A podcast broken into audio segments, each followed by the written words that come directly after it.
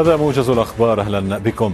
قال وزير الدفاع البريطاني جراند شابس إنه سيتم نشر قوات بريطانية في أوكرانيا لتدريب القوات الأوكرانية هناك بدلا من القواعد البريطانية وتلك التابعة للناتو.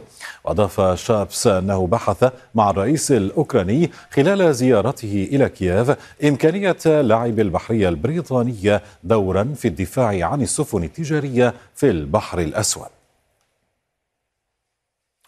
في غضون ذلك قال الرئيس الأوكراني إن أولوية بلاده الآن هي تطوير الإنتاج الدفاعي وإنتاج الصواريخ والمسيرات بالتعاون مع الشركات العالمية.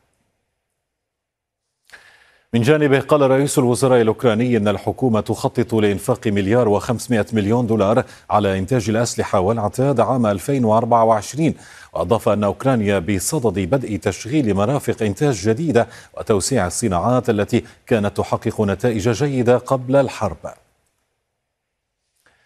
قال الجيش الأوكراني أن القوات الروسية فشلت في استعادة المواقع التي فقدتها في مقاطعة زابوروجيا وعلى محور باخموت. وأضاف الجيش الأوكراني أن القوات الروسية هاجمت إقليم تشيركاسي وسط البلاد وشنت هجوما مكثفا بالمسيرات المفخخة. قال البيت الأبيض إن الرئيس جو بايدن وقع على مشروع قانون التمويل المؤقت ليصبح قانونا نافذا وبذلك تتجنب الولايات المتحدة الإغلاق الحكومي بعد إقرار مجلسي النواب والشيوخ مشروع القرار الذي يسمح بتمويل الوكالات الحكومية ل 45 يوما. هذا وقال الرئيس الأمريكي إن الأغلبية بمجلسي النواب والشيوخ صوتوا لتجنب الإغلاق الحكومي ما يمنع حدوث أزمة غير ضرورية تضر بالأمريكيين. وتوقع بايدن أن يحافظ رئيس مجلس النواب على التزامه تجاه الشعب الأوكراني ويضمن إقرار دعمه. وأشار إلى أنه لا يمكن لبلاده تحت أي ظرف السماح بانقطاع دعمها للأوكرانيين. قال رئيس مجلس السيادة السوداني عبد الفتاح البرهان إن الشرطة تقاتل إلى جانب القوات المسلحة ضد من يريدون ابتلاع الدولة وتحييدها لمصالحهم الخاصة على حد قوله.